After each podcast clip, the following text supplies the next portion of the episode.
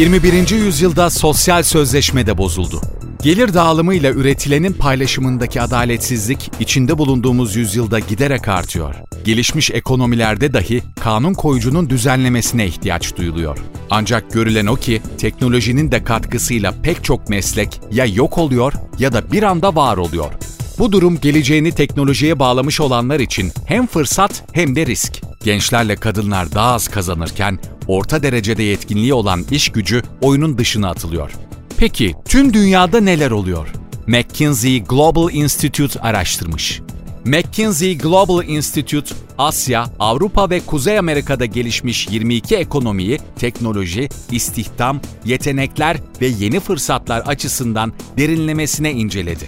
21. yüzyılın değişen sosyal sözleşmesi, gelişmiş ekonomilerde çalışanlar, tüketiciler ve birikimciler adını taşıyan raporda birçok ülkede iş fırsatları artmış, işsizlik oranı düşmüş olmasına rağmen iş fırsatlarının paylaşımındaki adaletsizlik ve gelirdeki durağanlık dünyanın her yerine yayılmış durumda.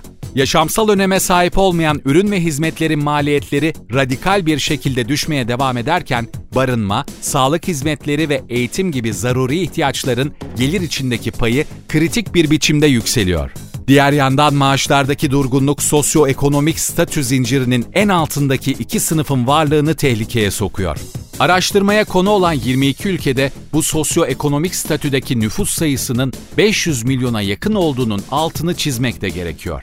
Bu insanlar, kamu tarafından yönetilen emeklilik fonlarından eskisi gibi yeterli desteği sağlayamadıkları gibi kazançlarıyla yaşamaları için gereken değer arasındaki farkı da kapatamıyor.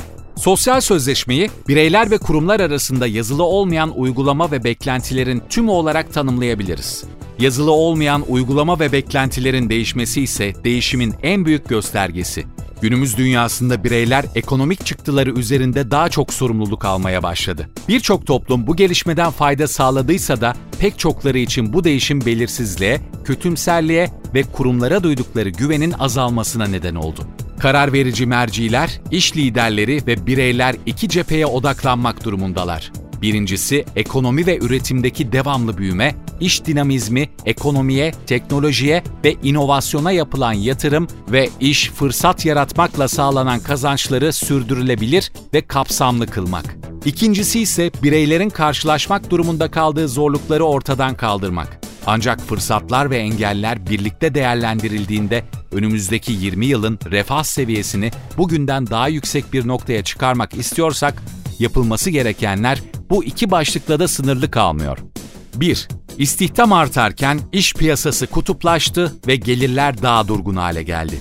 2008'deki ekonomik krize rağmen 21. yüzyılın ilk 20 yılı istihdamın birçok ülkede rekor seviyeye ulaştığı yıllar oldu.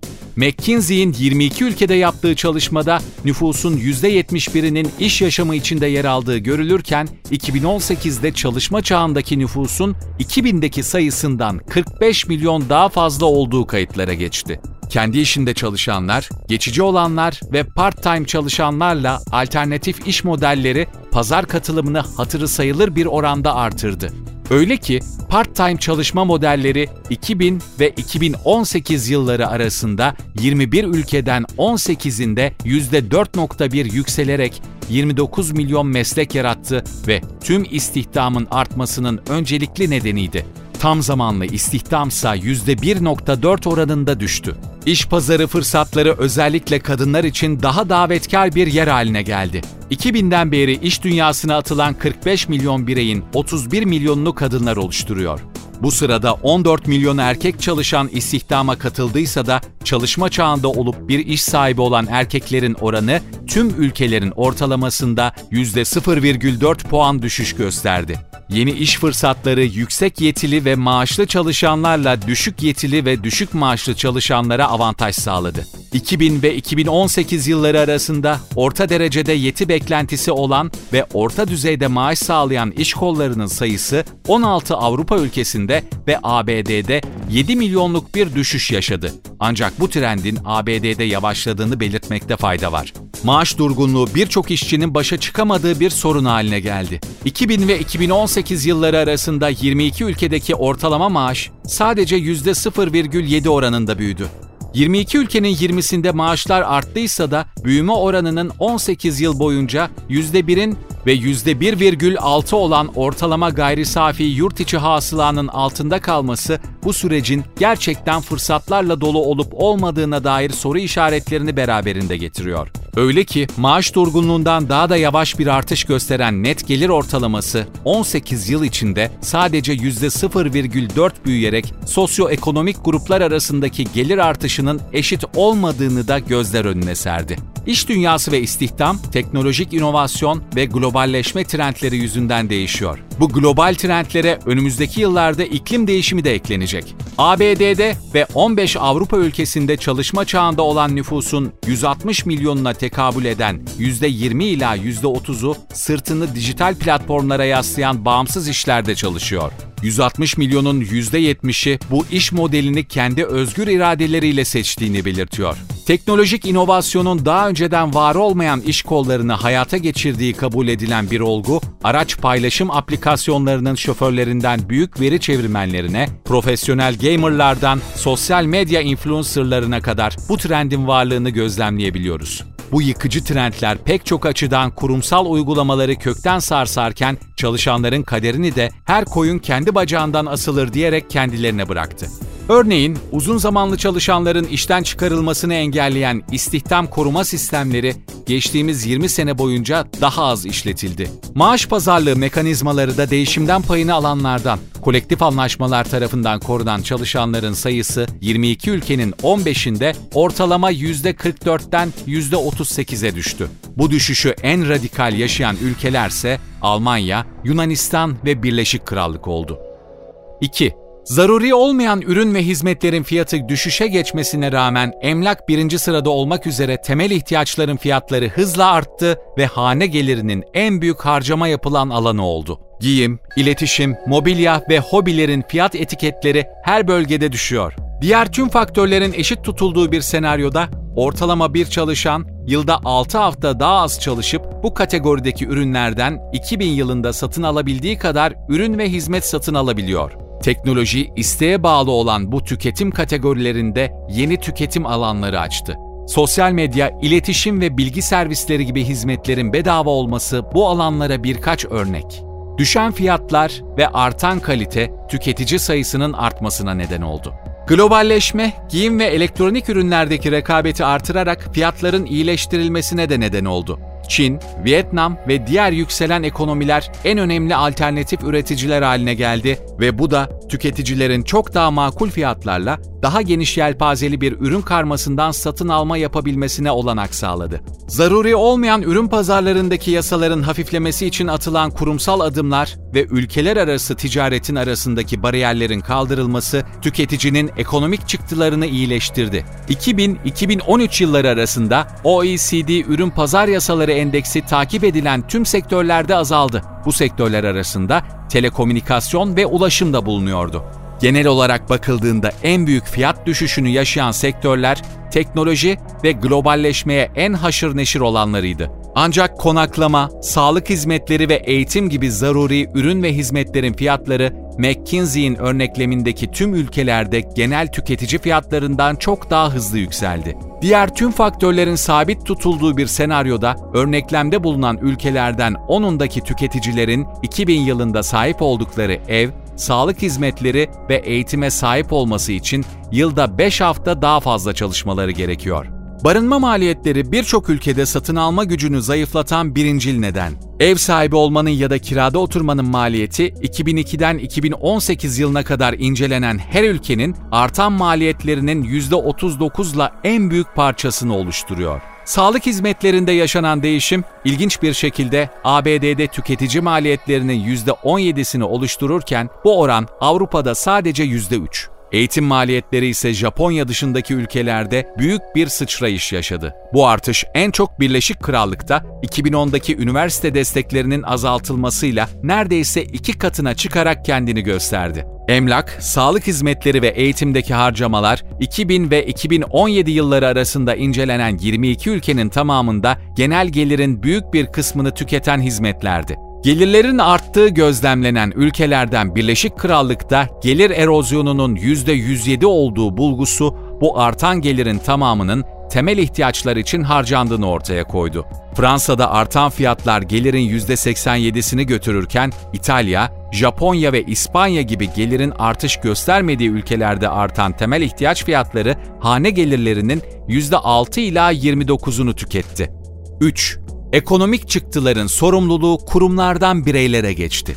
Yaşlı nüfusun artması ve doğum oranlarındaki düşüş emeklilik için para biriktirmenin önemini artırırken aynı zamanda bu süreci zorlaştırıyor. Birikim yaratma ve yatırım seçeneklerinin kapsamı gün be gün genişlerken birçok hane kötü günler için kenara bir kuruş dahi koyamıyor ve varlık büyümesi giderek düşüyor. İncelenen 22 ülkede insanların ömrü uzadıkça emekli olarak geçirilecek yılların sayısı 1980'de 16 iken 2018'de 20'ye yükseldi.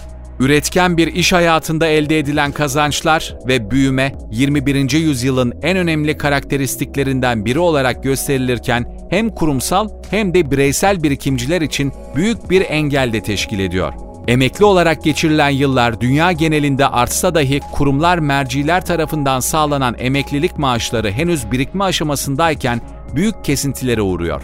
Bu durum bireysel birikimcilere de yaramıyor, emekliliği düşünenler birikimlerini kendi ceplerinde tutmak zorunda kalacakları için kurumsal hedeflerine yeterince yatırım yapamıyor. Bu durumun karşısında OECD ülkelerinin yarısı emeklilik yaşını ileri itti ve aralarında Danimarka, Finlandiya, İtalya, Hollanda ve İsveç'in de bulunduğu birkaçı emeklilik yaşını açık bir şekilde ortalama yaşam süresine göre belirliyor. 2060 yılına kadar normal emeklilik yaşı 66'ya yaklaşacak. Bu erkekler için 1,5, kadınlar içinse 2,1 yaşlık bir artış demek. Ortalama yaşam süresi alışılmışın üzerinde bir hızla artmaya devam ediyor. Finansal sürdürülebilirliği bir öncelik olarak özümseyen hükümetler ve özel sektör kurumları bireylere kendi emeklilikleri üzerinde daha çok sorumluluk vermek üzere son 20 yıldır aksiyon alıyor. İncelenen 22 ülkede net emeklilik maaşı ortalama %11 puan düşüş gösterdi. Emeklilik sisteminin iş hayatındaki gelirlerin yerini ne kadar etkili bir şekilde artırdığını ölçen bir sistem olan net değişim oranı İtalya'da %92 iken Birleşik Krallık'ta %28'e kadar düşebiliyor. Birçok emeklilik programı kurumların net bir şekilde çizilmiş yardım planlarından çıkıp yine kurumların minimum bir meblağ dönüşünün garantisini verdiği ve bu yüzden pazar riskini kendi üstlerinden bireylerin sırtına yüklediği bir modelle işlemeye başladı. Birçok ülkede emeklilik süresinin artması ve kurumsal birikimlerin miktarının azalmasıyla oluşan zarar halini ortadan kaldırmak için hanelerin özel birikiminin artması gerekiyor. Ancak birçok ekonomide yaşanan maaşlardaki ve gelir büyüme hızındaki kapsamlı durgunluk, hane birikim oranının da 2000 yılından beri ortalama %6 puan düşmesine neden oldu. Dahası anketlerin bireylerin yarısının geçtiğimiz yıl boyunca emeklilik birikimlerine katkıda bulunmadığını, hatta katılımcıların %25'inin de hiçbir birikiminin olmadığını gösteriyor. Net varlığın medyanı 13 ülkede finansal krizden bu yana iyileşme göstermedi. Örneklemdeki 22 ülkede 2007 ve 2018 yılları arasında 104.371 dolardan 80.659 dolara gerileyen medyan net varlık henüz iyileşmeye başladı. Enflasyonla eşlenen büyümeden ötürü net varlık ortalaması da aynı yavaş tempoda eski değerine dönüyor. Öyle ki birçok ülke için yıllık büyüme kriz sonrasında neredeyse sıfırdı. Geçtiğimiz yıllarda net varlığı sıfırda veya negatifte olan bireylerin sayısı artmaya devam etti. ABD'de sıfır veya negatif değerde net varlığı olan hanelerin oranı 2001 yılında %16 iken 2017'de %23'e yükseldi. 4. Kurumlar ekonomik sorumluluklarını bireylere devretti. Yıkıcı global trendlerin ve yavaş gayri safi yurt içi hasıla büyümesinin yanı sıra ekonomik çıktılar söz konusu olduğunda kurumların ve bireylerin aldığı sorumluluklar da değişim sürecine girdi. Bu nedenle sosyal sözleşme hiç olmadığı kadar radikal bir değişim yaşıyor. McKinsey Global Institute 22 ülkenin 19'unda kurumların pazara daha az müdahale ettiğini, 22 ülkenin 18'inde ise hükümetlerin harcamalarının arttığını ortaya koydu. Pazar üzerinde kurumsal müdahalenin azalması, özellikle geçici çalışma sözleşmeleri olan çalışanları koruyan mekanizmalarda, ürün pazar regülasyonlarının sayısında ve zorunlu emeklilik maaşlarının miktarında azalmalara yol açıyor. Kamu sektörü harcamalarındaysa en büyük değişim 22 ülkenin ortalamasında %1,9'luk artışla yine emeklilik maaşında yaşanıyor. Sağlık hizmetleri için yapılan harcamalar da %1,1 puan artış gösteriyor. Bu bulgular gözlemlenen tüm ülkelerde kurumsal altyapı fark etmeksizin benzer bir şekilde ilerliyor. McKinsey Global Institute bu ülkeleri kurumsal altyapılarına göre 3 gruba ayırdı. Avusturya, Belçika, Fransa ve İskandinav ülkeler gibi hem pazar müdahalesinin hem de kamu harcamalarının fazla olduğu ülkeler, Almanya ve Hollanda gibi pazar müdahalesinin fazla, kamu harcamalarının az olduğu ülkeler ve Japonya, Güney Kore, İsviçre, Birleşik Krallık ve ABD gibi hem pazar müdahalesinin hem de kamu harcamalarının az olduğu ülkeler. 5. Sosyoekonomik grup kaderinizdir. Ekonomik çıktıların evrimi bahsi geçen 3 grup dahilinde ve değişen kurumsal rollerin ışığında değerlendirildiğinde sonuçların sosyoekonomik gruplar arasında bir hayli farklı olduğu gözlemlendi. Yüksek yetili ve yüksek gelirli bireyler bu süreci iyi atlatıyor. Nüfusun maaş ve varlık parametrelerinde üst tabakalarda olanlar için ekonomik çıktılar 2000 yılından beri iyileşme gösterdi. Avrupa ve ABD'de 115 milyonluk bir grubu oluşturan yüksek yeti ve maaşa sahip olan bu kesim, sınırlı istihdam kaynaklarının büyük bir kısmını elinde bulunduruyor. 2000'den beri istihdam payını %4 oranında büyüten bu kesimin ülkenin genel varlığındaki payı da aynı şekilde arttı. Orta yetili ve orta gelirli çalışanlar istihdam pazarının dışına atıldı. Avrupa ve ABD'de neredeyse 120 milyon orta derecede iş bilgisi gerektiren iş kolu bu segmentteki mesleklere olan talebin azalmasıyla pazarın dışına itildi. Tüketim ve birikim trendlerindeki değişime en ağır düşük yetili ve maaşlı bireyler yaşadı. Avrupa ve ABD'de 95 milyon bireyin oluşturduğu bu kesim istihdamdaki payı artmış olmasına rağmen zor günler geçiriyor. 2000 ve 2017 yılları arasında gelir ve varlık ölçümlerinde en alt tabakalarda bulunan grupların total gelirdeki payları %20,4'ten %19,2'ye geriledi. Bu gruplarda yer alan tüketiciler en büyük darbeyi emlak sektöründen aldı. Bu trend özellikle Almanya, İspanya, İsveç ve Birleşik Krallık'taki grupların birikim oluşturma yetilerini, harcanabilir gelirlerini %14 oranında düşürerek geri dönüşü zor bir şekilde etkiledi. Alt segmentin %60'ının genel varlıktaki payı %7,6 ile hali hazırda azken daha da düşerek %7,3'e geriledi. Etkilenen gruplar arasında gençler de var. 15-30 yaş arasında olup gözlemlenen ülkelerdeki nüfusun 180 milyonunu oluşturan genç bireyler, iyi maaşlı ve kaliteli işleri ellerinde tutmakta zorluk çekmelerinin yanı sıra 20 yıl önceki akranlarına kıyasla çok daha düşük maaşlar kazanmaları nedeniyle ev ekonomisi hiyerarşisinde üst basamaklara tırmanmakta zorluk çekiyor. Bu konuda öne çıkan en büyük problem kiraların giderek artıyor olması. Minimum derecede kabul edilebilir bir evde oturmak için genç çalışanlar maaşının %23'ünü, 65 üstü yetişkinlerse %14'ünü gözden çıkarmak durumunda. Genç insanların durumuna kontrast oluşturan bir diğer faktörse yaş almış bireylerde görülen fakirliğin neredeyse her ülkede ciddi bir düşüş gösterdiği bulgusu. Kadınların kariyeri iyileşiyor ancak hala erkeklerin arkasında kalıyor. 2000-2018 yılları arasında gerçekleşen istihdam büyümesinin üçte ikisini 2000'de çalışan kadınların sayısı 157 milyonken 2018'de 206 milyon olmasıyla kadınlara atfedebiliriz. Ancak bu ciddi büyümeye rağmen kadınlar erkeklerin gerisinde kalıyor. Çalışan kadınların oranı %44'ten 46'ya çıkmasına rağmen ufukta eşitlik görünmüyor. Bir erkek tarafından kazanılan her bir dolar için kadınlar 80 sent alırken bu sayı 2018'de 85 sente çıktı. Elbette bu iç açıcı gelişme her ülkede gerçekleşmiyor. Belçika'da 1 dolarda cinsiyete göre maaş farkı 4 sentle 96 sentken Güney Kore'de kadınların aldığı maaş 65 sentle sınırlı kalıyor. Konu birikim olduğunda ise incelenen 8 Avrupa ülkesinde kadınlar erkek meslektaşlarından daha az birikim sahibi olabiliyor. Azınlıklar sorun yaşamaya devam ediyor. Aralarında ABD'nin de bulunduğu bazı ülkelerde zorluk çeken ailelerin çoğunluğu siyahi ve Hispanik. 2016'da beyaz bir ailenin medyan varlığı siyahi bir aileninkinden 10 kat, Hispanik bir aileninkindense 7,5 kat daha fazlaydı. Ek olarak otomasyon teknolojilerinin de dünya çapında yaygınlaşmasıyla iş kaybı ihtimali en yüksek olanlar Afro-Amerikanlar.